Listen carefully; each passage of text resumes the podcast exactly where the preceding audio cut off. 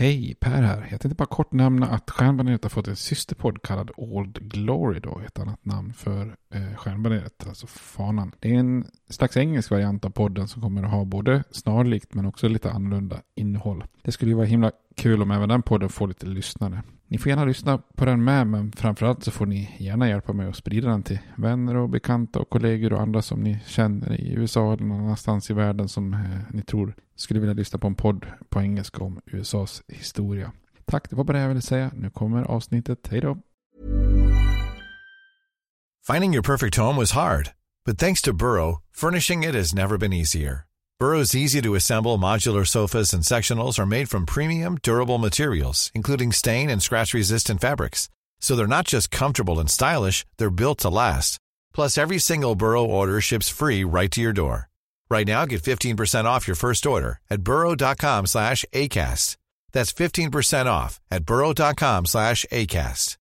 Tired of ads barging into your favorite news podcasts? Good news. Ad-free listening is available on Amazon Music for all the music plus top podcasts included with your Prime membership. Stay up to date on everything newsworthy by downloading the Amazon Music app for free or go to amazon.com slash news ad free. That's amazon.com slash news ad free to catch up on the latest episodes without the ads.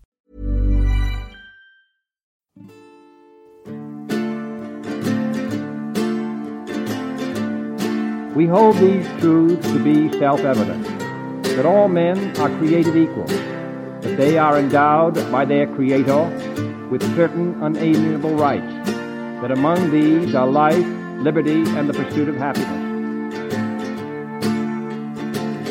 Now we are engaged in a great civil war, testing that government of the people, by the people, for the people, shall not perish from the earth. And so, my fellow Americans, ask not what your country can do for you. Ask what you can do for your country. I have a dream. My four little children will one day live in a nation where they will not be judged by the color of their skin, but by the content of their character. Mr. Gorbachev, tear down this wall. I did not have sexual relations with that woman, Miss Lewinsky. Hej och välkomna till Stjärnbaneret, en podcast om USAs historia. Där vi har gjort en liten avstickare från den här översiktsserien och pratat lite presidentval förra avsnittet. Och jag tänkte vi skulle ta upp tråden idag och prata lite grann om det här med hur presidentkandidater nomineras och det här med lite primärval och liknande, eh, partikonvent och liknande. Ehm, Ja, det har ju, hela presidentvalet har ju kommit lite grann naturligtvis som allting annat i skymundan av den här coronaviruset och, eh, och som skäl alla rubriker. Och jag ser att det finns många som undrar kan, kan det verkligen hålla presidentval eh, till hösten? Men det kan jag, det, det skulle jag gissa på eh, av två orsaker. Dels har ju USA en historia av att eh, faktiskt hålla presidentval även i kristider så att säga. Man höll ju ett presidentval 1864 mitt under inbördeskriget och hade demokraten George McClellan vunnit där som han såg ut att göra strax före valet till och med eh, och eh, hade i så fall besegrat Abraham Lincoln då hade ju kanske inbördeskrigets utgång blivit en annan och, och eh, man kan säga om att det då kanske hade blivit en förhandlad fred med ett självständigt USAs konfedererade stater som följd kanske. Så att eh, man är van att ha presidentval även om det är underliga och märkliga tider. Sen är det ju också så att eh, det enligt konstitutionen ska hållas ett val. Och amerikanerna är ju inte, det är ju inte så att de tar lätt på sin konstitution som många av er vet. Så att eh, därav finns det också en orsak till att jag kan tänka mig att man faktiskt håller det valet ändå med den här regelbundenheten som finns då. Den går ju faktiskt tillbaka historiskt. historiskt. Tittar man tillbaka på alltså konflikten mellan eh, de amerikanska kolonisterna och eh, den brittiska centralmakten innan den amerikanska revolutionen under den koloniala eran så kan man säga att en av de sakerna som kolonisterna störde sig på var just det här med de kungliga guvernörernas eh, möjlighet att kalla samman lagstiftande församlingar och bryta upp dem och utlysa ny, nyval och eh, försöka med olika liksom, politiska trick försöka få sin vilja igenom. Och det där är vi ju vana med i Europa. Att även om vi ska hålla val vid vissa givna perioder så, så kan det bli nyval, omval och olika saker. Liksom, så att Eh, det är ju inte säkert att det liksom, valen hålls med, med den typen av regelbundenhet. Det kan ju bli oftare då. Eh, och eh, det här var ju någonting som man var så pass mycket emot att man ofta så skrev in i de olika konstitutionerna i delstaterna och det var ju en sån liksom kärnfråga att man, man håller val. Vissa politiska poster ska väljas om med strikt regelbundenhet och det gör ju det till exempel att vi ser liksom inte någon Eh, det, det, är inte så att man helt plötsligt har ett nyval i, i eh, kongressen ett udda år för att ett av partierna tycker att det känns lämpligt att göra framsteg och att eh, presidenten tillhör det partiet och säger nej men nu får vi inte igenom den här frågan så, så går vi till nyval. Det är liksom inte en sån politisk manöver som finns i USA. Så den här regelbunden och, och traditionen och eh, tron på konstitutionen tror jag gör att man kommer att försöka hålla presidentval eh, oavsett då. Eh, förra gången så pratade vi om det här med själva valet i sig, alltså det här med elektorer och hur det har uppkommit och blivit ett indirekt val och så vidare. Eh, idag tänkte jag att vi skulle prata om egentligen då lite omvänt då fasen innan, alltså hur, hur kommer, eh, hur blir det så att säga presidentkandidater till? Och hur ser historien bakom det här ut via olika typer av manövrar och sånt där.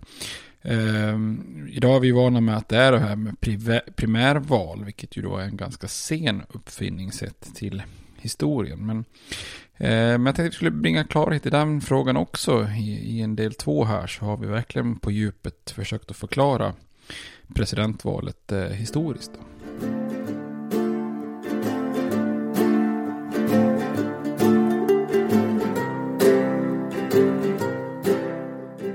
Eh, det första man kan säga är att pratar man om primärval och partinomineringar och sånt där, då får vi ju liksom inte glömma bort eh, att det är ett slags eh, förstadium till själva presidentvalet i sig. Alltså det här är ju en process som eh, där partierna sållar fram sina officiella kandidater. Så att det är ju väldigt förknippat också med just de politiska partierna. Det är ju liksom inte ett, ett, ett officiellt val i sig. Så att och precis som vi sa i, i förra avsnittet om själva presidentvalet så var ju partier och, och därmed också då saker som primärval och liknande. Det var ju absolut inte någonting som de här grundlagsfäderna tänkte in i systemet. Eh, utan grunden var ju att delstaterna själva bestämde hur de här elektorerna, alltså de här valmännen, valdes i, i ett första steg. Och därefter skulle de träffas i delstaterna för att rösta på två kandidater och minst en kandidat som var eh, från en annan delstat än den egna. Då. Och om någon kandidat inte fick majoritet eh, så, så flyttades valet vidare till kongressens representanthus då i ett, egentligen ett tredje steg. Då. Eh, och eh, det här innebär då att konstitutionen ombesörjer ju inte någon som helst eh, form av nomineringsprocess. Eh, för de här elektorerna, de förväntade sig ju helt enkelt bara vara kloka och insatta män, män som hade koll på vilka som var landets främsta män, alltså de största statsmännen som skulle kunna vara aktuella för eh, landets högsta ämbete. Då. Eh, och att vara aktuell och nomineras, det var man ju bara då om man, om man var en, en, en erkänt stor statsman då, som var ja, känd för att vara kvalificerad och lämplig Eh, ser man till landets första tio presidenter då, eh, Washington, Adams, eh, Jefferson, Madison, Monroe, Adams, Jackson, Van Buren, Harrison och Tyler så, så kan man väl ändå säga att samtliga de här är någon form av rikskändisar och erfarna statsmän med, med hög status eller någon form av känd militär person då. Den första kandidaten som var lite mer oväntad var ju James Polk då. Eh, som brukar ses som en av de första sådana här så kallade dark horses då. Alltså en kandidat som, som få tippar på förhand då. Eh, så det är ju absolut, alltså man kan säga så här, att, att bli president i, tidig, i den tidiga amerikanska historien, det är ju ingenting man på något vis upp öppet strävar efter, utan det är snarare liksom eh, att det sågs som en ära då. Och att det dessutom sågs lite fult att försöka sträva öppet efter att, att bli det här. Eh, och i, i, princip kan man säga fram till 1900-talet, en bra bit in, så är det ytterst få kandidater som, som kampanjar aktivt. Eh, att som idag så att säga träda fram så här lite storstilat och annonsera sin kampanj. Det var ju någonting som var fullständigt otänkbart i, i den tidiga historien så att säga. Det här systemet då utan partier, det var ju som liksom grundlagsfäderna tänkte sig, det var ju inte riktigt någonting som eh, höll sig där jättelänge, utan de första partierna som uppstod då, eh, det ena är då det, det så kallade federalistiska partiet, alltså George Washington och John Adams och Alexander Hamilton och dem. Eh, och sen det republikanska partiet då, ibland kallat det demokratrepublikanska partiet då, eh, med Jefferson och Madison och Monroe och, och grabbarna. Eh, som inte ska förvecklas med det moderna republikanska partiet utan snarare en föregångare till det demokratiska partiet. När de här partierna uppstår redan där på 1790-talet så förändras ju spelplanen eh, väldigt snabbt. Då. För helt plötsligt så behövde man ju inom partierna på något sätt komma överens om att vem, vem vill vi lyfta fram eh, för att försöka få eh, som president. Då. Och det här innebär ju att partierna då på ett eller annat sätt behöver nominera då, eller komma, komma överens om, om vem som ska vara en kandidat. Då. För kan man samlas bakom ett namn så har man ju mycket större chans att vinna eh, ett val eh, än om man bara har ett gäng namn och så lyckas det andra partiet enas om en, en kandidat. Då blir det ju kanske lättare för dem att, att vinna. Eh, och till en början så görs den här nomineringen av presidentkandidat då på partiernas respektive så kallade caucus, alltså en slags partigrupp i kongressen. Eh, och det går då till så att ledamöterna för respektive parti samlas då, eh, alltså utan motståndarna. Eh, och det här gruppmötet då som kallas för caucus eh, väljer då vem som skulle vara partiets kandidat till president och eh, vicepresident. Och det här begreppet caucus finns ju kvar på olika sätt i den amerikanska politiken än idag. Då. Eh, bland annat som just det här med att det är olika typer av grupper i kongressen då. Eh, det finns till exempel Tea Party Caucus, Black Caucus, Native American Caucus och så vidare. Det betyder bara alltså att det är inte kongressen som helhet som samlas utan det finns, det är någon form av intressegrupp i kongressen som som träffas då, i det här fallet då respektive parti för att nominera sina kandidater då. Och så länge det fanns två partier så funkar ju det här systemet då. Men sen kom ju det här lite kaotiska valet 1800 eh, där federalisterna får lämna över mak makten till eh, Jeffersons Jefferson och Republikanerna då. Och där, därefter går det lite ut för med det här federalistiska partiet då. Framförallt i samband med det här kriget 1812 mot Storbritannien där partiet då, när de konspirerade lite grann i nordöst om att eventuellt till och med lämna unionen så uppfattas de ju som opatriotiska och det här innebär att hela det här federalistiska partiet ehm, försvinner och dör ut då. Och då kommer man, in, kommer man ju in i en period i USAs historia som kallas för Era of Good Feelings. Ehm, där det egentligen då bara i praktiken existerar ett enda parti då. Det här republikanska eller demokratrepublikanska. Som senare blir då eh, Demokraterna. Och i avsaknad av konkurrens så innebär ju det att eh, vilken som än blir eh, partiets kandidat kan ju då också följaktligen räkna med att vinna presidentvalet. Och eftersom det är partiets sån här caucus som eh, bestämmer eh, partiets kandidat eh, så uppstod ju då ett uttryck att, att det här caucus, caucus is king, alltså man kan säga att den här partigruppen är då kungagörare. Eh, så partiets partigrupp i kongressen valde under den här perioden i all praktisk mening USAs president innan eh, det formella valet. Alltså, eh, det formella valet blir mer en, en, en formsak kan man säga. Och det här gäller då den här eran då, ungefär kan man säga mellan 1808 och 1824 så, så är den här era of good feeling. Så typiskt för den här eran är ju presidentvalen eh, 1816 och 1820. Eh, då har ju inte federalisterna, eh, de har inte ens nominerat någon kandidat för att partiet existerar inte. Så den demokratrepublikanska kandidaten då, som är James Monroe i det här fallet, vid de här valen hade ju i, i princip ingen motståndare då. Så i valet 1820 så fick han samtliga elektorsröster utom en då faktiskt. Eh, och det här skapar ju en situation där presidentvalet egentligen inte har någon som helst drama eller meningsfullhet för politiskt deltagande. Och vid den här tiden utsågs ju elektorerna av de lagstiftande församlingarna i ungefär hälften av delstaterna och sen i, i, i eh, öppna val så att säga i övriga. Då. Men eftersom det fanns restriktioner gällande egendom och beskattning för att få rösta så kan man väl säga att ungefär någonstans runt 1% av de vita männen dog, deltog i valet 1820. Då. Och det här låter ju ganska horribelt med dagens mått mätt, liksom att, att, att man inte har ett konkurrensat val på det viset. Då. Men på, på ytan fungerar ju faktiskt det här systemet under de här åren ganska likt så som grundlagsfäderna faktiskt har tänkt sig. För de har ju önskat sig ett system där det, utan konflikt mellan partier eller fraktioner som man sa då. Eh, man, man tänkte sig att det inte skulle uppstå sådana grupper och, och att man hade då en president vars nationella rykte och status liksom står över den här korrumperande politiska spelet utan att man är då bara en stor statsman. Och Monroe till exempel, han passade perfekt för en sån här typiskt eh, stor statsman. Han hade, han hade varit med i, i armén då i, i frihetskriget. Han hade suttit i den kontinentala kongressen, eh, alltså föregångaren till den, den, den, senare kongressen då, den, den som finns idag. Eh, han hade varit eh, även senator i den nya kongressen då, när konstitutionen var klar. Eh, han var guvernör två gånger i den mest befolkningsrika delstaten, då Virginia, som var hans eh, hemstat. Eh, han hade varit både krigs och utrikesminister under eh, till exempel James Madisons presidentskap.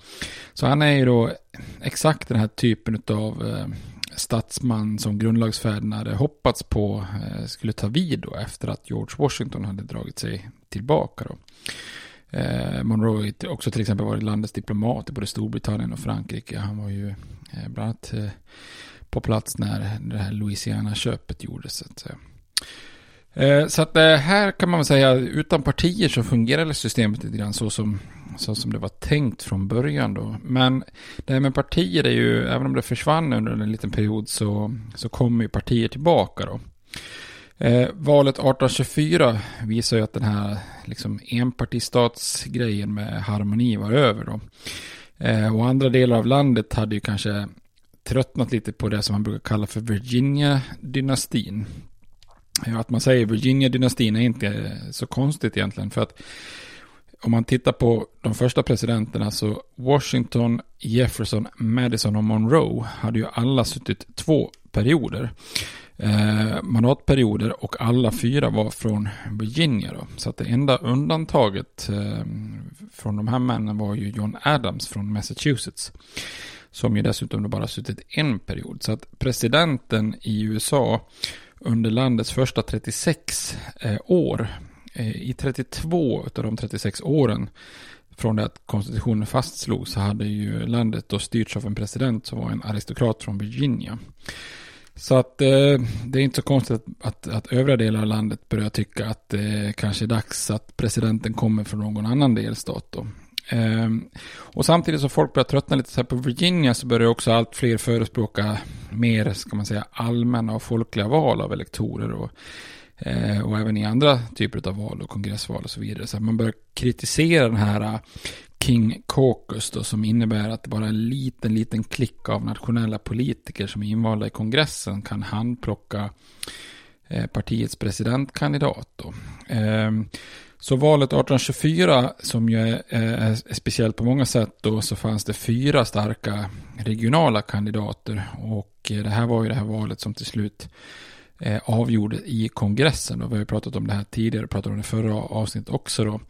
Den här så, så kallade korrupta uppgörelsen enligt Andrew Jackson då, som, som snuvade honom på presidentposten och som förde John Quincy Adams till Vita huset då.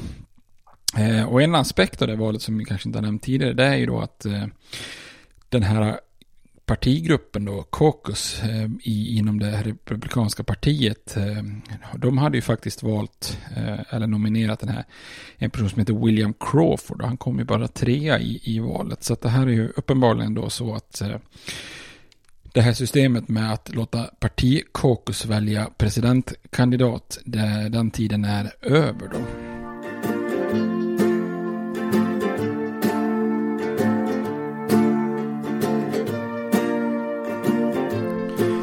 Den här partilösa eran då och kaoset 1824 eh, följt av då allt mer demokratiska val då, om man med demokrati menar eh, enbart vita män eh, dock då, eh, banar ju då vägen för ett nytt system att utse presidentkandidater. Och man kan säga att den som låg bakom det här i, i mångt och mycket är då Martin Van Buren som kommer att bli president också senare.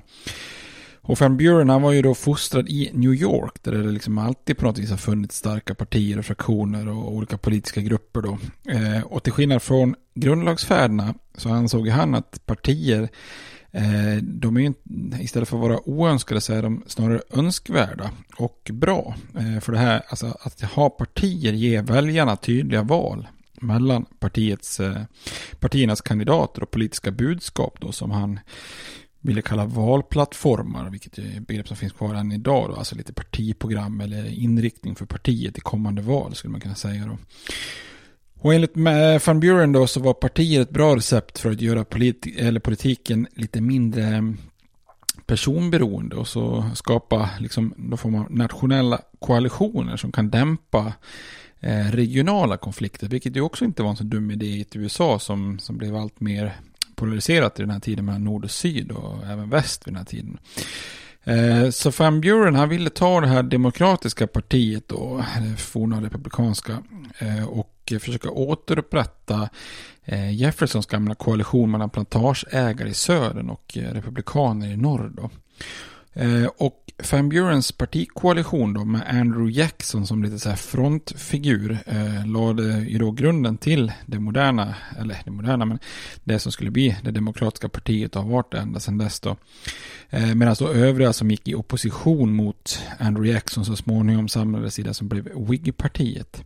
Och därmed hade ju då det andra partisystemet eh, uppkommit. Eh, och det här är ju ett system som präglas väldigt mycket av just folkval och samtliga delstater utom egentligen South Carolina hade gått över till det här med att låta folket välja elektorer då eh, från 1828 när, när Jackson valdes till president eh, första gången då.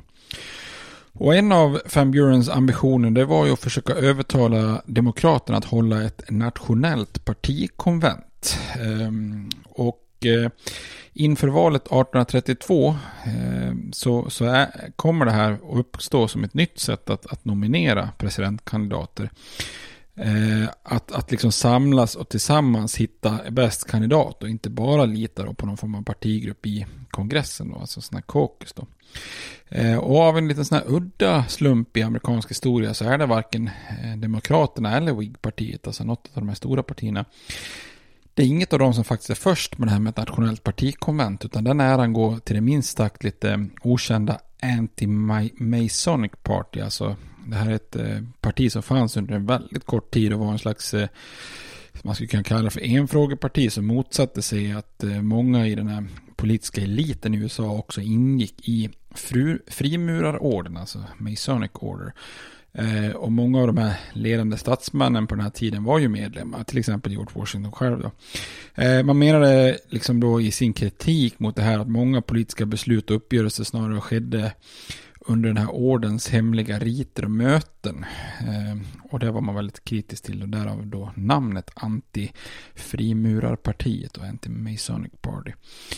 Eh, I september 1831 så samlas det här lilla kortvariga partiet då på ett nationellt konvent och eh, nominerar William Wirt som presidentkandidat. Då. Eh, Whig-partiet följer efter och håller ett nationellt konvent tre månader senare och eh, nominerar Henry Clay. Och sen så kommer Demokraterna trea då, eh, några månader senare och håller ett konvent som nominerar Andrew Jackson. Och med just då Van Buren till vicepresidentkandidat. Då. Och en tanke med partikonvent var ju att eh, regionala delar av partiet inte bara skulle försöka välja sin lokala favorit utan att man samlades och så tog hänsyn till åsikterna från alla delstater om vilken som skulle vara partiets bästa kandidat rent nationellt. Då, så att man inte behövde uppleva den här splittringen från 1824 och, och även 1828 hade Whig-partiet flera olika kandidater. Då. Utan att man faktiskt ska kunna debattera då och enas om en kandidat som passar partiet. Då. Eh, och med det andra partisystemet väl etablerat på 1840-talet då med etablerandet av de här partikonventerna. Eh, och då är ju i princip kan man säga grundlagsfädernas tanke om att välja presidentkandidater helt borta då. Eh, borta var ju systemet av en elit som skulle välja eh, landets främsta statsmän med bra personlig karaktär då. Och att den som är nominerad var en, parti, parti, eller en person som stod över partier och fraktioner och regioner och grupperingar. Då. Istället har ju då nationella partier tagit över nomineringsprocessen och på sina nationella konvent så lyfter man fram sitt partis kandidat eh, i den här processen till presidenten som, som sen då försöker mobilisera miljoner väljare som ska försöka, och försöka få sin kandidat vald. Då. Eh, så den pre president som, som vinner är inte längre bara en statschef utan även liksom ledaren för sitt parti. Då. Eh, och då är vi inne då liksom i en era av partikonvent då, som införs på 1830-talet och är det rådande systemet så, som inte egentligen börjar utmanas förrän i början av 1900-talet av, av det som kommer att bli primärval. Och då, det här innebär ju då att partiet nominerar sina president och vicepresidentkandidater på de här nationella konventen och, och de del, delegater som deltar där har i sin tur då valts av delstaten på lokal nivå. Då. Så att eh, den här processen börjar på lokal nivå i, i precincts eller counties där man håller någon form av lokal kokos eller konvent då, och sen då den lokala processen kulminerar sen i att partierna håller ett konvent på delstatsnivå där man väljer vilka som ska representera delstaten på det nationella konventet. Och även om den här processen är öppen för alla partimedlemmar så fanns det många så kallade liksom partibossar och etablerade ledare som hade väldigt stort inflytande över vilka som skulle delta på det nationella partikonventet och även hur man skulle rösta där. Då. Eh, så det hålls alltså inga val på lokal eller delstatsnivå, det finns liksom inga primärval. Då. Och de kandidaterna som partierna nominerar är inte alltid några folkliga favoriter som, som bara bekräftas i val, utan det var istället kandidater som de inflytelserika ledarna i partierna tyckte var lämpliga. Då. Eh, och i huvudsaken kan man väl säga att det fanns två typer av kandidater som oftast lyftes fram. Då. Eh, den ena typen var ju någon slags politisk lite mer neutral person som kunde tilltala många eh, med sin lysande personlighet och då vanligtvis någon form av krigshjälte eller general då. Eh, och presidenter som har varit generaler är ju ganska många då. William Henry Harrison, eh, Zachary Tyler, eh, Ulysses Grant, Rutherford Hayes. Eh, men man ska också komma ihåg till exempel Winfield Scott, eh, George McClellan, eh, Winfield Scott Hancock. Alltså olika demokrater som förlorade sina val men som ändå var, hade varit framstående generaler. Då. Den andra typen av kandidat som oftast lyfter fram det var ju då snarare någon form av partilojal politiker som inte hade någon stark koppling till någon särskild grupp inom partiet och var liksom en kandidat som ja, helt enkelt var acceptabel för många grupper inom partiet. Eh, en kandidat man kunde enas om en bred koalition då. Eh, typiska sådana kandidater är till exempel Abraham Lincoln eller William McKinley till exempel. Och idag så eh, är ju de här nationella partikonventen eh, mer av en formell historia där den kandidaten som har vunnit primärvalen utses officiellt. Eh, men partikonvent på 1800-talet var ju däremot beslutsfattande i sig och processen av att enas som en kandidat kunde vara rätt så rätt så lång och jobbig och mödosam då. Man kan säga så här, när, när William McKinley nomineras på Republikanernas konvent 1896 i första omgången så är det mer eh, ett undantag från, från regeln om att det kräver många omröstningar. Då. Och det finns ju exempel på tillfällen när det har tagit väldigt många omröstningar. 1880 till exempel tog det Republikanerna 36 omröstningar för att hitta sin kandidat James Garfield som till slut blev kandidaten då. Eh, och då hade Garfield inte ens fått en enda röst för en omgång 33. Så det kan man säga att minst sagt en kompromisskandidat då. Men annars kan man säga att mödosamma processer är mer förknippat med Demokraterna på 1800-talet. Eh, och bakgrunden till det är en regel som partiet antog 1836 om att det krävde två tredjedelars majoritet av delegaternas röster för att bli dominerad, eller nominerad. Eh, så 1852 tog det Demokraterna 49 omröstningar att enas om sin kandidat Franklin Pierce. Då. Eh, och då hade inte han fått en enda röst för en omgång 35. Eh, 1912 tog det 46 röstningsomgångar innan Woodrow Wilson nominerades. Eh, och rekordet var 1924, då tog det 17 dagar, 103 omröstningar för Demokraterna att nominera John Davis. Eh, och det här var ju ett konvent som var väldigt splittrad i den här förbudsfrågan som var väldigt aktuell då. Och man kan säga, jag höll på där i sina 17 dagar, men det är till, till ingen större nytta då, för till slut så förlorar ju eh, Davis till republikanen Calvin Coolidge. Så att eh, det var lite förgäves i alla fall då, men ja, John Davis har fortfarande eh, epitetet att han är den enda presidentkandidaten som någonsin kommit från West Virginia. Så att eh, alltid, alltid något kan man säga. Eh, och det här, Demokraternas två tredjedelar kan man ju också nämna höll på att kosta Franklin Roosevelt nomineringen 1832. Han fick ju 60% av rösterna i första omgången. Eh, och efter tredje så hade han fortfarande liksom inte lyft för att få den här två tredjedels majoriteten då. Utan det fanns en minoritet som hoppades på att de skulle kunna hindra Roosevelt och lyfta fram en annan kandidat istället när Roosevelt körde fast då. Men tack vare lite dealer bakom kulisserna kunde Roosevelts anhängare få honom nominerad i fjärde omgången. Då. Eh, så de här konventen är ju fulla med politiskt spel bakom kulisserna där olika grupper i partiet kohandlar med varandra och försöker få så mycket som möjligt ut av valet av sin kandidat. Och det här innebär att den som är favorit när konventet inleds inte alltid är den som får nomineringen. Då. Och det värsta egentligen som kan hända någon som är lite favorit att bli eh, nominerad, det är ju att man så att säga nästan blir vald i den första omgången och sen i de efterföljande omgångarna inte lyckas öka antalet röster. För då börjar ju de här konventen att se sig om och diskutera, kan vi hitta någon annan kompromisskandidat som, som kan få majoritet istället då så att säga. Och hur de här eh, konventen går till, så ett bra exempel är ju Republikanernas konvent 1860 när Abraham Lincoln nomineras. Eh, kan, jag kan berätta lite om det för att belysa hur det här går till då. Eh, det fanns ju många starka kandidater det här året bland det här ganska nybildade republikanska partiet. Då. och favorit och den som många trodde skulle vinna nomineringen var William Seward som var senator från New York. Och andrahandsfavoriten var Salmon Chase från Ohio. Då. Och båda de här kom från stora viktiga delstater och hade mycket inflytelserika republikaner i ryggen. Men båda uppfattades också som ganska radikala slaverimotståndare i en situation där partiet kanske mer behöver en moderat slav, slaverimotståndare för att kunna vinna då, särskilt vissa stater som man hade förlorat i valet innan då. Och det här gjorde att eh, Seward och Chase hade ganska stark opposition från vissa andra delar av partiet. Och bland partiets mer konservativa kandidater så fanns Edward Bates från Missouri och Simon Cameron från eh, Pennsylvania som båda var väldigt erfarna politiker med lång, mycket stöd och, och lång erfarenhet. Då. Eh, och på förhand så såg inte Abraham Lincoln Alltså han såg inte så erfaren ut. Han hade bara haft en mandat i representanthuset. Eller en mandatperiod i representanthuset. Och han sågs inte som den jättestarkaste kandidaten. Han var visserligen känd och så vidare. Men Eh, han visste ju att han kommer ju inte att eh, nomineras eh, och vara liksom första, partiets första val och nomineras i första omgången där. Men Lincoln hade ändå vissa fördelar som, som kanske skulle kunna komma fram längre fram på, på, på kommentet och han var en acceptabel kandidat för många då. han var inte okänd, även om han inte var superkänd.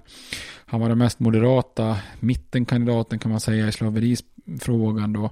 Eh, han hade dessutom få politiska fiender eh, och han kom från Illinois då, som var en delstat och en region som partiet verkligen behövde vinna. Eh, och Lincolns team då som skötte hans valkampanj gjorde ett väldigt bra jobb då bakom kulisserna och hade en väldigt tydlig strategi för att vinna konventet. De, de gick helt enkelt in får chansa på att ingen kandidat och framförallt Seward skulle få majoritet i första omgången. Eh, hade någon fått det då hade ju deras strategi varit värdelös. Men nu chansar man på det. Och därefter så skulle de då satsa väldigt hårt på att förhandla till sig Lincoln-röster i andra omgången och framåt. Då. Eh, och vissa delstatsdelegationer på konventet Ja, men de skulle ju plikttroget liksom då rösta på sin delstats favoritkandidat i första omgången. Men om, om, om deras kandidat sen inte liksom ens var i närheten av någon och få någon seger så, så var, var de ju fria att lägga sina röster på någon annan kandidat. Då. Och när konventet startar och, och röstar i en första omgång då så leder William Seward precis som väntat. Men Eh, mycket riktigt så har han inte fått 50% av rösterna så att han har inte majoriteten direkt där och blir vald. Eh, det innebär ju då att i andra omgången när Lincolns team har, har kört på ganska bra där så Eh, så överraskar Lincoln positivt och, eller efter vi redan i första omgången så överraskar Lincoln positivt och ligger redan två år då. Men sen har ju då Lincolns team förhandlat bakom kulisserna intensivt med andra delegater och gett en massa löften om utnämningar och annat och inför den andra röstomgången då. Det här var egentligen någonting som Lincoln själv inte, inte ville att de skulle göra, bett dem att vara försiktiga med då. Men de tyckte det, det går inte att hålla liksom. Eh, och i andra omgången då blir ju mönstret tydligt för då börjar ju Seward backa medan Lincoln då går framåt och så börjar de nästan ligga jämnt. Eh, och i tredje omröstningen händer samma sak och då är Lincoln helt plötsligt bara eh, någon enstaka röst från att vinna eh, konventet och i det läget så proklamerar Ohios delegation att de ändrar sina fyra röster till Lincoln och därmed är det klart då, så att säga. Så här ser man hur en kandidat, eh, hur, hur, viktigt det är att vara liksom laddad inför eh, flera olika omröstningar på ett, eh, på ett partikonvent.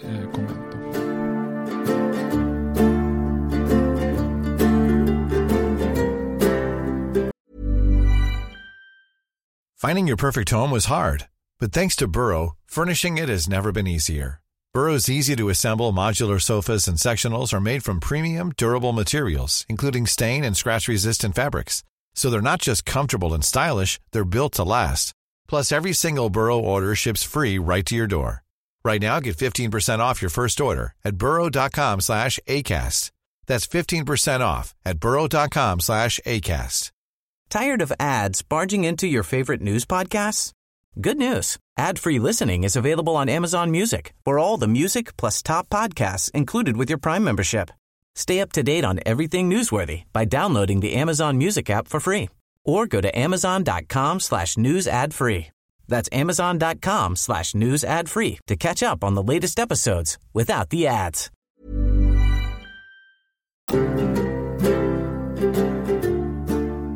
Så om man tittar på då slutet av 1800-talet och början av 1900-talet så då börjar det uppstå lite kritik mot det här systemet med partikonvent. Eh, det finns ju i USA då en progressiv rörelse som den kallas då, som vill genomföra väldigt mycket reformer av USA och det amerikanska samhället under den här eran. Man förespråkar ju bland annat många förslag som handlar om att stärka demokratin då, alltså folkomröstningar, att det ska vara hemliga val, alltså att man inte Alltså att man inte vet eh, hur man, att, att, när man röstar så vet ingen hur man röstar utan att man ska få ha sekretess där.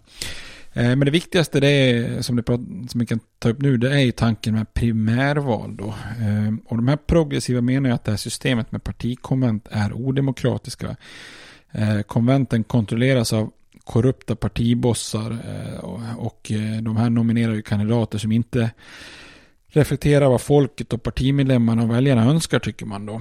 Eh, och man har ju väldigt stor kritik allmänt mot sådana här politiska bossar som, som, som jobbar mycket med tjänster och gentjänster liksom och köper röster genom att ge liksom den lilla välfärdstjänsten som finns på den här tiden då. Eh, och på många sätt är ju då argumenten egentligen densamma av, av, av de förespråkarna som som, ehm, eh, som, som är primärval nu, det var ungefär samma argument som de som förespråkade partikonvent hade en gång i tiden för att kritisera det här kåksystemet i början av 1800-talet. Och lösningen som de här progressiva ser eh, det är ju då att ge väljarna ett direkt inflytande över partiernas nominering genom primärval. Då. Eh, och ett antal delstater började experimentera med primärval i början på 1900-talet och inte enbart egentligen i presidentval utan även i andra typer av val. Då. Men när det gäller primärval för att nominera presidentkandidat så är Florida först ute eh, 1901 och, och sen hoppar man fram till 1912 så var det flera stora stater som, som höll eh, primärval och bland annat Kalifornien, Pennsylvania, Massachusetts, Illinois, Ohio, New Jersey eh, för att då utse partiernas presidentkandidat. Eh, så 1916 så hålls primärval i 20 stycken delstater. Men den här progressiva rörelsen stannar av lite grann efter första världskriget då. Det här kommer vi snart komma in på i översiktsserien. Ska vi prata om den progressiva rörelsen bland annat.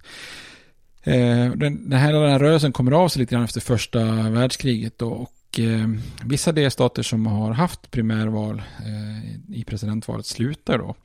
Så 1936 då är antalet nere i enbart 14 delstater och eh, en av orsakerna var att eh, ja, väljarna visar inte något sån här jättestor entusiasm då, vilket i sin tur kan speglas av att eh, det i flera fall var så att den kandidaten som hade fått flest primärval, primärvalsröster ändå väldigt sällan segrade på själva konventet. Det blir ju så när inte alla delstater eller när bara en handfull delstater Eh, har primärval så är ju inte de eh, avgörande för helheten och då tappar man ju då intresset även i de delstater som har primärval. Eh, men primärvalen levde ändå kvar i vissa delstater men på något vis hade de då inte samma betydelse som idag då för fram till 1970-talet så var ju primärvalet bara ett av flera verktyg för att bli nominerad. Knappast det huvudsakliga verktyget heller då. Att, att liksom vinna över delstaters delegater till partikonventet och få stöd av sådana här viktiga lokala politiska bossar var ju fortfarande det viktigaste verktyget då. Det som primärval på något vis kunde bidra med i mångt och mycket var att ge vissa kandidater en liten eh, vad ska man säga, uppmärksamhet och en liten boost och uppsving i sin kandidatur. Eh, genom att exempelvis visa att de kunde få ett stort väljarstöd i, i någon av de eh, delstater som ändå höll eh, primärval. Då. Ett bra exempel på det är ju John F Kennedy som, som vann primärvalet i, i West Virginia. Och eftersom eh, West Virginia var en väldigt massiv, alltså protestantisk delstat så blev det här ett styrkebesked för, för Kennedy.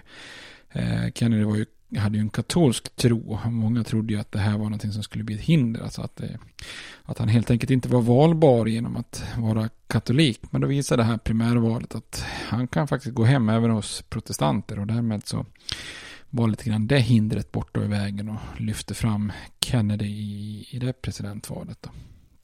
Det kommer ju en händelse som, som eh, sen kommer innebära eh, en boost för primärval och att man faktiskt tar stegen mot eh, den typen av presidentnomineringar som med primärval som vi ser eh, än idag. Då. Och den händelse som kanske mer än någonting annat eh, präglar det här det är ju då Demokraternas eh, konvent 1968. Eh, som ju är otroligt eh, kaotiskt och det hålls i, i Chicago 1968 och det här är ju liksom när konflikter kring Vietnamkriget och medborgarrättsrörelsen är som, som mest heta och eh, Vietnamprotesterna når ju nya höjdpunkter efter den här nordvietnamesiska tätoffensiven som sker i början av året. Och så kommer ju mordet på Martin Luther King den 4 april som skapade upplopp i mer än hundra städer runt om i, i landet och bland annat just i Chicago. Och mitt under hela den här eh, liksom, nomineringsprocessen och inför presidentvalet så mördas ju dessutom Robert Kennedy då, en av kandidaterna eh, i eh, Kalifornien. Och, och, som just hade då vunnit primärvalet i Kalifornien. Eh, och de här morden på, på King och, och Kennedy väcker ju plågsamma minnen till liv från morden på storebror Kennedy eh, 1963 och även kanske då Malcolm X som mördas 1965. Eh, och det här missnöjet med Vietnamkriget gör att senatorn från Minnesota, Eugene McCarthy, väljer då att utmana den sittande demokratiska presidenten som då är Lyndon B. Johnson 1968. Och då är det så att i New Hampshire så, eh, så var det en delstat som, som fortfarande höll fast vid eh, primärval vid den här tiden och var först ut, precis som New Hampshire är Eh, idag också då med, med, med, sin typ av primärval efter, efter Iowa då. Och i det här primärvalet så förlorar McCarthy mot Johnson med eh, med 49% mot 42.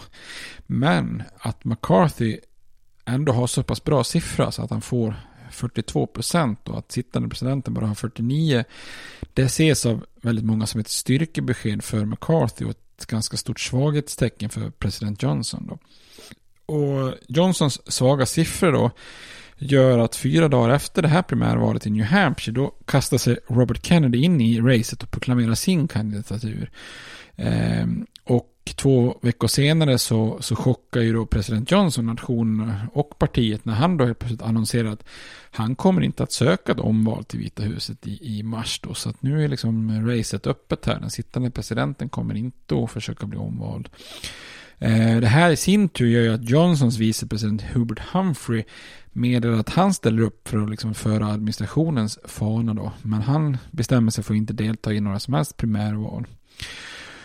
Och efter det här, allt det här då så duggar ju då katastroferna ganska tätt då. I april mördas eh, Martin Luther King och i juni då efter att ha visat styrka i Kaliforniens primärval så mördas ju Robert Kennedy som är, liksom då är en av kandidaterna dessutom. Och de här händelserna innebär ju att när Demokraterna samlas på partikonventet 1968 så står ju valet mellan vicepresident Humphreys som då står lite grann för man säger, krigslinjen eh, och eh, senatorn McCarthy som, som då lite, lite grann står för fredslinjen. Eh, och sen också även senatorn George McGovern som har tagit över lite Robert Kennedys fana då. Eh, och segraren på konventet blir då Hubert Humphreys som alltså då inte har vunnit en enda röst i primärvalen. Han har ju inte ens ställt upp i primärvalen då. Eh, och då uppstår det ju ganska snabbt lite gissningar så här också att om inte Robert Kennedy hade mördats så, så kanske han hade blivit kandidaten och så vidare. Så. Men oavsett så kvarstår ju faktum här att Humphreys genom att spela ett så kallat inside-spel, alltså att, att bara kampanja för att påverka lokala bossar och sådana här caucusomröstningar har ju varit betydligt mer framgångsrik än, än McCarthy och Kennedy som spelat ett, ett så att säga, utsidespel och, och satsat på kampanjer då.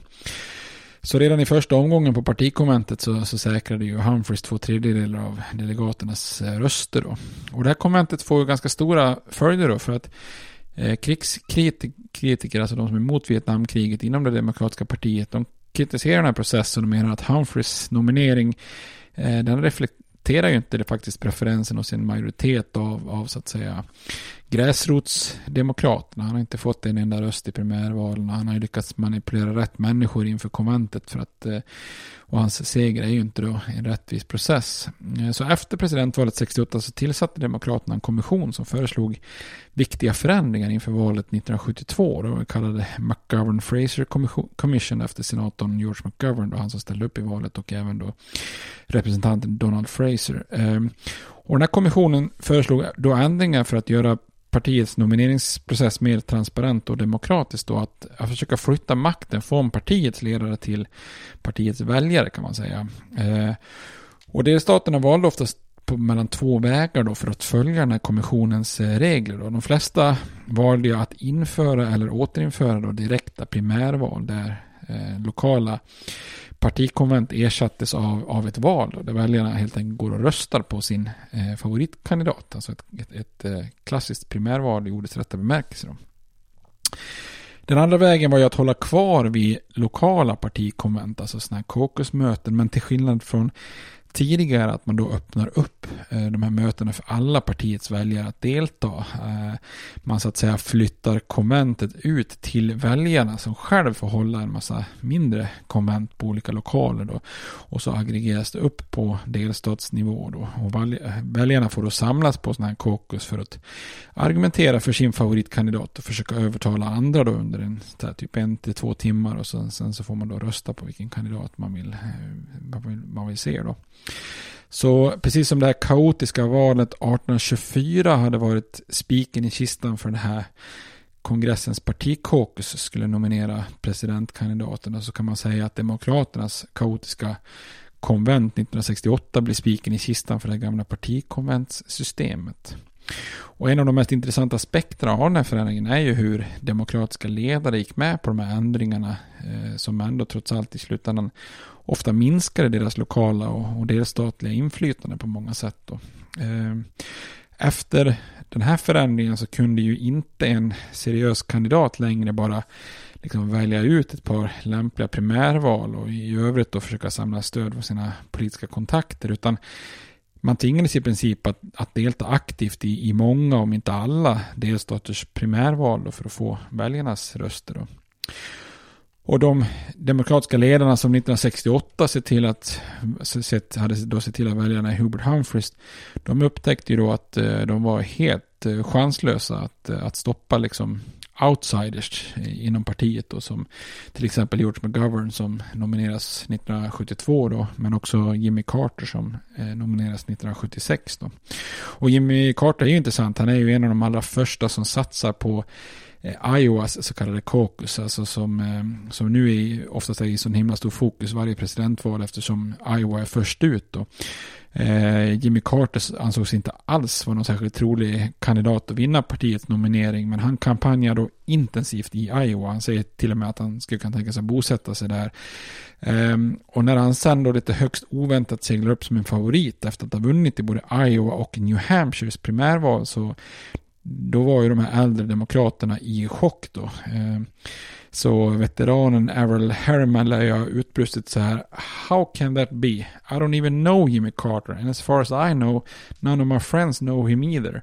Så att eh, han är helt i chock där. Att, eh, hur kan det komma någon sådär som inte liksom alls tillhör partieliten? Då?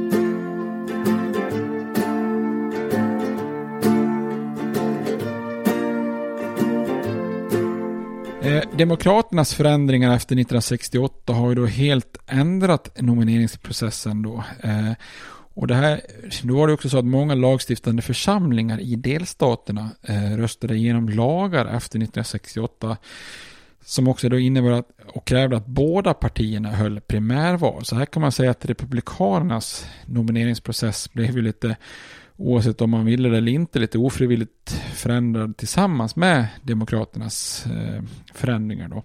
Men till skillnad från Demokraterna så låter ju Republikanerna fortfarande partiet på delstatsnivå bestämma reglerna och, och så håller de det nationella partiet borta från debatter om regler i de olika delstaterna. Då. Eh, men Demokraterna däremot, när de började med reformer av nomineringssystemet så stoppade man heller inte, utan man gjorde ytterligare små ändringar då och då under kommande år. Och en av de viktigaste förändringarna var ju att införa då proportionerliga primärval, så att kandidaternas stöd skulle bli mer rättvist fördelat när delegater till nationella partikonventet räknades då. Och det här är ju fortfarande än idag en viktig skillnad mellan partierna. Så alla demokratiska kandidater i ett primärval som får, får mer än 15 procent eh, av delegaterna till det nationella konventet, eh, eller får mer än 15 procent röster eh, från folket, får ju delegater till det nationella konventet. Då. Så om vi säger att du har tre kandidater som i ett primärval får 50 procent respektive 25 och 25 procent Eh, då är ju hälften av delegaterna bunden till den första kandidaten och en fjärdedel var till de övriga två. Då. Om det är samma exempel i ett republikanskt primärval så, så skulle ju vinnaren som, som vann 50% av rösterna också vinna 100% av delegaterna för eftersom man då kör vinnaren tar allt-principen, alltså det samma princip som man sen kör så att säga, i, det, i det officiella, eh, riktiga presidentvalet. Så att säga. En annan viktig förändring hos Demokraterna kom ju efter eh, Jimmy Carters förlust mot eh, Ronald Reagan 1980 då. Eh, den här gången kanske ett litet steg tillbaka igen då, för då är det mycket demokratiska ledare som försöker skriva tillbaks sig själva in i processen kan man säga med motivet att de mest skickliga och lojala ledarna rimligtvis borde kunna vara med och granska och ha någonting att säga till om när partiet väljer kandidat då. Och man tycker att Jimmy Carter var ingen bra kandidat här. Vi måste kunna påverka på något sätt. Och det här resulterade i att några procent av delegaterna på det nationella konventet ges till partiledare från delstaterna och kongressens medlemmar och att eh, dessa då blir så kallade obundna delegater som kan rösta på vem, vem som helst. Eh, övriga delegater är ju då bundna att, åtminstone i första omröstningsomgången, att rösta på den kandidat eh, som de är bundna till från primärvalet i sin, sin hemstat. Då. Men de här obundna delegaterna kallas ju, brukar ju oftast kallas för superdelegater. Det har ni säkert hört om ni följer dagens debatter. Och de här demokratiska partiledarna hoppades ju då att de här superdelegaterna skulle, skulle öka chansen för att en kandidat nomineras som är acceptabel för partiets ledande skikt. Och att, att de här skulle kunna leda debatten och det politiska spelet om någon av kandidaterna inte fått en majoritet, majoritet i primärvalet och att det i så fall då krävdes fler omröstningsomgångar. Eh, 1984 var superdelegater med för första gången och utgjorde då 14 procent och 2008 2008 utgjorde de 20 procent av delegaterna till eh, Demokraternas eh, partikonvent. Då. Eh, och de här superdelegaterna har ju aldrig avgjort ett val hittills då, utan den kandidat som har fått flest röster i primärvalen har ju också vunnit eh, Demokraternas nominering på det nationella konventet. Eh, men på 2000-talet har ju de här superdelegaterna blivit lite grann av en het fråga igen. Då. 2008 var ju Obama kritisk åt att Hillary Clinton stöddes av många superdelegater till en början. Men sen vann han ju över många på sin sida då. Och många superdelegater menar, att, eh, menar då, då att liksom, givetvis ska vi stödja den som får flest eh, röster av folket. Vilket ju säger då egentligen blir lite underligt, eller det är inte underligt i sig, det är väl logiskt, men det blir underligt att man resonerar så för att då i så fall behövs ju inte superdelegaterna i praktiken över, över, överhuvudtaget. Då kan man ju ta bort dem ifall det, de ändå är bundna av folkets eh, röst så att säga.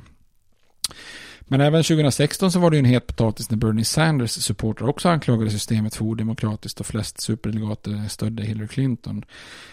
Så inför årets konvent har ju Demokraterna gjort om igen och då kommer ju inte de här superdelegaterna att få rösta i första omgången. Utan, eh, men om ingen då utses i den första omgången så kan man ju då rösta med övriga delegater. Eh, och då är ju hela konventet så att säga obundet i omgång två och framåt så att säga. Argumentet för systemet med de här superdelegaterna är att det då blir svårare för någon att komma in och så att säga kapa och ta över partiet, om man kallar det för det då. Eh, vilket liksom då eh, klart är aktuellt när personer som Trump och Sanders ställer, ställer upp i, i respektive parti som ju då kanske står ganska långt ifrån de partilojala kandidaterna från första början. Då. Ibland pratar man ju också om det osynliga primärvalet eller pengaprimärvalet. Och då menar man ju liksom den här perioden på en, två år innan de första primärvalen sätter fart. Eh, det här är ju under perioden då, där liksom politiskt valda, politiska aktivister och media och pengainsamlare och ofta spelar en ganska avgörande roll för att lägga spelplanen och bana väg för tänkbara kandidater. Och vissa kandidater elimineras ju bort på den här vägen redan innan man kommer till primärvalen i Iowa och New Hampshire då. Eh, medan andra då har lyckats skaffa sig en bra utgångspunkt. Det handlar ju liksom om, ska jag kandidera eller inte? Liksom, har, har jag ens en chans liksom? Och de ledande republikanerna var ju under åren från det att primärvalen infördes på allvar 1972 då ända fram till 2004 så var ju republikanerna väldigt bra på att redan under det här så kallade osynliga primärvalen sortera fram och hitta en favoritkandidat som sen blev nominerad. Eh, och det kanske är en bidragande orsak till att man aldrig har infört superdelegater på, på, hos republikanerna kan man gissa då. Eh, men de här osynliga primärvalen slutade vara avgörande 2008 då kan man säga. Då, då var första gången som den republikanska kandidaten John McCain eh, blev nominerad trots egentligen då öppet motstånd inom partiet. Eh, han gick ju då starkt bland, bland väljare som i primärvalet ansåg sig vara oberoende snarare än republikaner då. Och att republikanerna lite tappat kontrollen över sina nomineringar blev väl kanske lite ännu mer tydligt då efter den här Tea Party-rörelsen och sen då Trump 2016 då. För Republikanerna har det också varit tydligt att deras eh, att princip om att vinnaren tar allt i primärvalen också kan lite grann förvärra situationen. Då. Eh, ett exempel från 2008 var ju när McCain vann 30, 33 procent av rösterna i Missouris primärval eh, mot Mike Huckabees 32 och Mitt Romneys 29 så vann ju McCain ändå Missouris samtliga delegater. Sam, samtidigt vann ju Obama över Clinton i Missouri med så en liten majoritet att partiets 72 delegater fördelas ungefär lika mellan dem från, inför Demokraternas konvent. Och det här innebär ju då att i Republikanerna, i det här fallet till exempel McCain, han slår ju snabbare ut sina konkurrenter i, i det republikanska primärvalet eh, än, eh, än så att säga Obama och Clinton som får kämpa på mycket längre. Så den demokratiska primärvalsprocessen kan ju oftast ta lite längre tid än, än den republikanska. Då. Och det här är ju alltså beroende på partiernas olika system då i primärvalen. Timingen av primärvalen i olika delstater är också viktigt och här ser man ju en utveckling där allt fler delstater vill vara med så tidigt som möjligt. Då. Iowa-New Hampshire som är först ut försvarar i sin eh, frontposition då. Men eh, allt fler delstater försöker också vara med på den så kallade supertisdagen, Super Tuesday. Det är ju ett begrepp som uppstod egentligen då demokraterna i flera sydstater bestämde sig för att hålla primärval samtidigt 1988 för att lite grann öka sitt inflytande i nomineringsprocessen då. Men sedan dess har det ju har det varit allt fler delstater som har valt supertisdagen för att komma med så fort som möjligt i den här processen.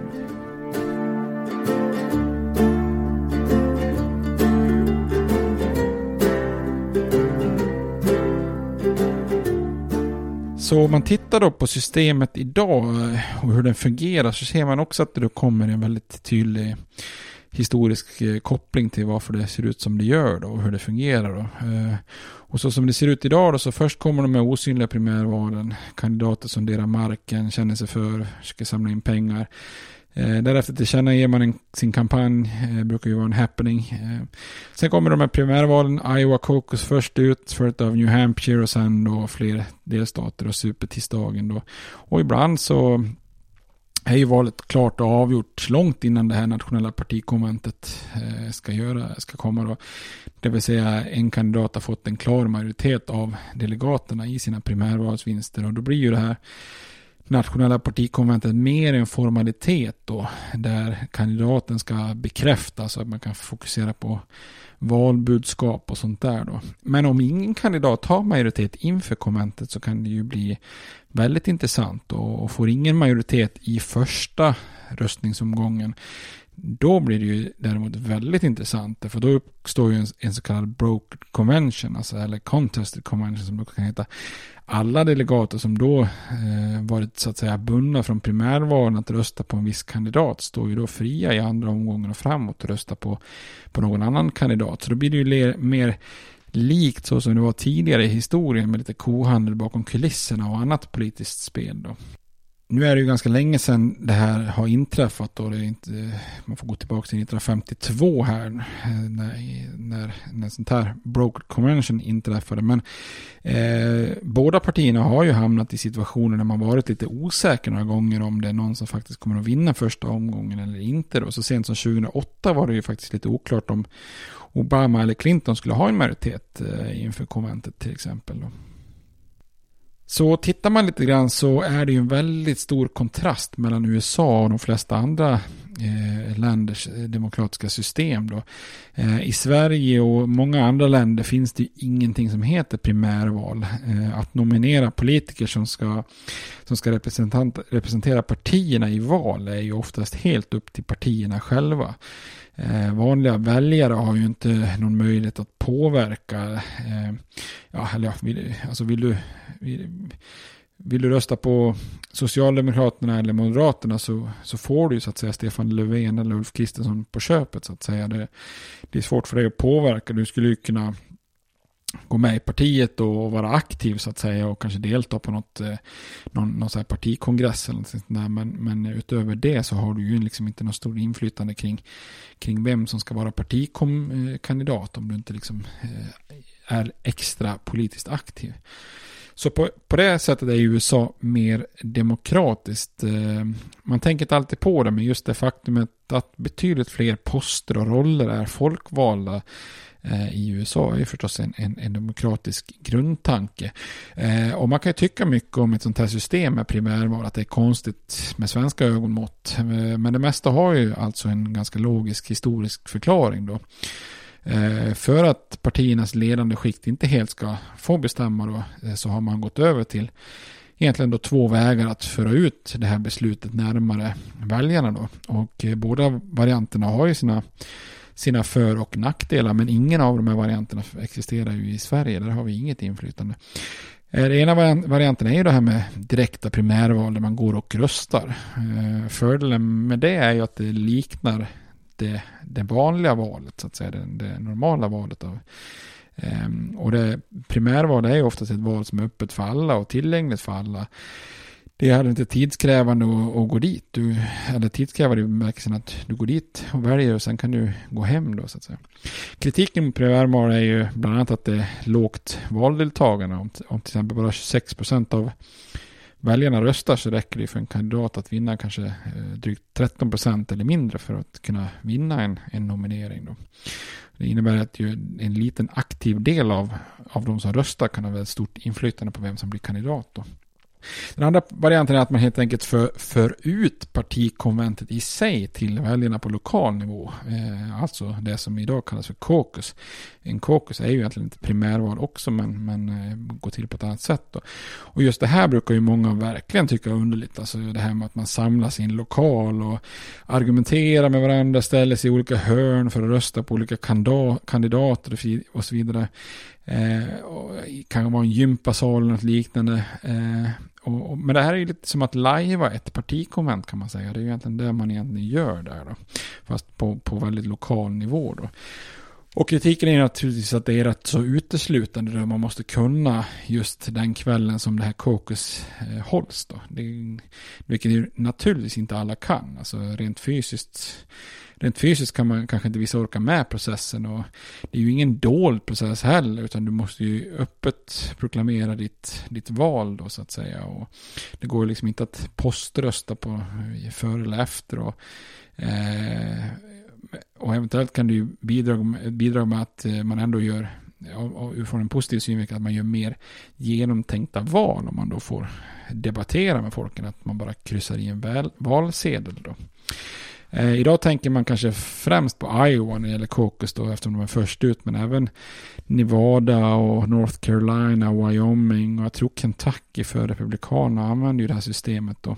Och även vissa amerikanska territorier får ju vara med och delta i primär, primärvalen men inte själva presidentvalet då. Eh, och det var inte så länge sedan som sådana här kokos användes även i Alaska, Kansas, Hawaii, Maine och Washington till exempel, alltså delstaten. Men nu har de gått över till primärval. Och det här är ju liksom på något vis, man kan tycka det är en konstig grej, men det är ju egentligen att ha ett litet minipartikonvent på lokal nivå liksom för att se hur, hur, vilken kandidat vi har. Och hur man än ser på det så är det ju två faktorer man inte ska glömma tycker jag. För det första, även om det är lågt deltagande, valdeltagande så kan i alla fall partimedlemmar och väljare eh, mer eh, direkt och demokratiskt påverka vilken som ska bli partiernas kandidater, vilket är mer än, än i många andra länder. Då. Och för det, andra, för det andra, det handlar om en partiprocess, inte det slutliga valet så att säga. Eh, ser man det så så blir ju en kokus mer begripligt. Alltså det är ett litet minikomment där man debatterar vilken kandidat som, som, ska, eh, som representerar partiet bäst. Så att säga. Så det är ju det, det, det, är ju en sak man inte ska komma bort, glömma bort. Då. Sen kommer man ju inte ifrån att den stora nackdelen som blir allt tydligare de senaste åren och det är ju att det här innebär en process där personer som är lite outsiders till partiet lätt kan komma in och så att säga kapa partiet och det är en process som oftast belönar lite mer radikala kandidater långt ut på den konservativa eller liberala kanten eh, som gör när man gör upp i de här interna kamperna då, vilket eh, sen kan bli konstigt när man ska ta tilltala hela partiet sen i, i det riktiga presidentvalet. Eh, när man ska gå upp mot andra partier då. Så att eh, det tenderar ju, primärvalet kan ju ha en nackdel att man får fram allt mer extrema kandidater genom den här processen. Men det är ändå trots allt så att man har en möjlighet att påverka vem som partiet ska nominera, vilket ju egentligen då är mer än vad, vad vi kan i Sverige då. Men det finns en röd tråd då. Tittar man på det här med caucus så var en eh, första sättet att hitta eh, partiernas eh, kandidater. Och sen kom det partikonvent och sen så förde man ut partikonventet till sådana här små lokala kokus. då. Alternativt så var det ju då primärvalet och istället för att man röstar på partikonventet så går man helt enkelt till lokala val så att säga. Men det är den, det är den processen som man har sett rent historiskt i USA för hur presidentnomineringar går till. Då. Så då hoppas jag att ni har bra koll på det här med presidentnomineringar, hur det har sett ut genom tiderna och hur vi har hamnat i det systemet vi har idag. Förhoppningsvis kanske ni tycker att systemet är mer begripligt när man förstår det utifrån historiska händelser och i historisk utveckling. Då. Och lägger man ihop de här två senaste avsnitten så, så har man eh, presidentvalsprocessen, hur den har gått till från konstitutionskonventet till idag. Så återstår det att se vad som händer i höst här nu när presidentvalet ska hållas i, i dessa coronatider. Kanske blir någon form av mer post, poströstaraktigt val eller någonting i den stilen. Eh, man kan fundera på om valdeltagandet kommer att bli så högt som, som det brukar vara och så vidare. Eller det, det brukar inte vara högt, men det kanske blir ännu lägre än det brukar vara. Men det får vi se. Men tills dess får ni ha det bra. Hej då! States like these and their terrorist allies constitute an axis of evil. And if the hippies and the yippies and the disruptors of the systems that Washington and Lincoln as presidents brought forth in this country will shut up and work within our free system of government, I will lower my voice. If the impeachment provision in the Constitution of the United States will not reach the offenses charged here, then perhaps that 18th century Constitution should be abandoned to a 20th century paper shredder. Therefore, I shall resign the presidency effective at noon tomorrow.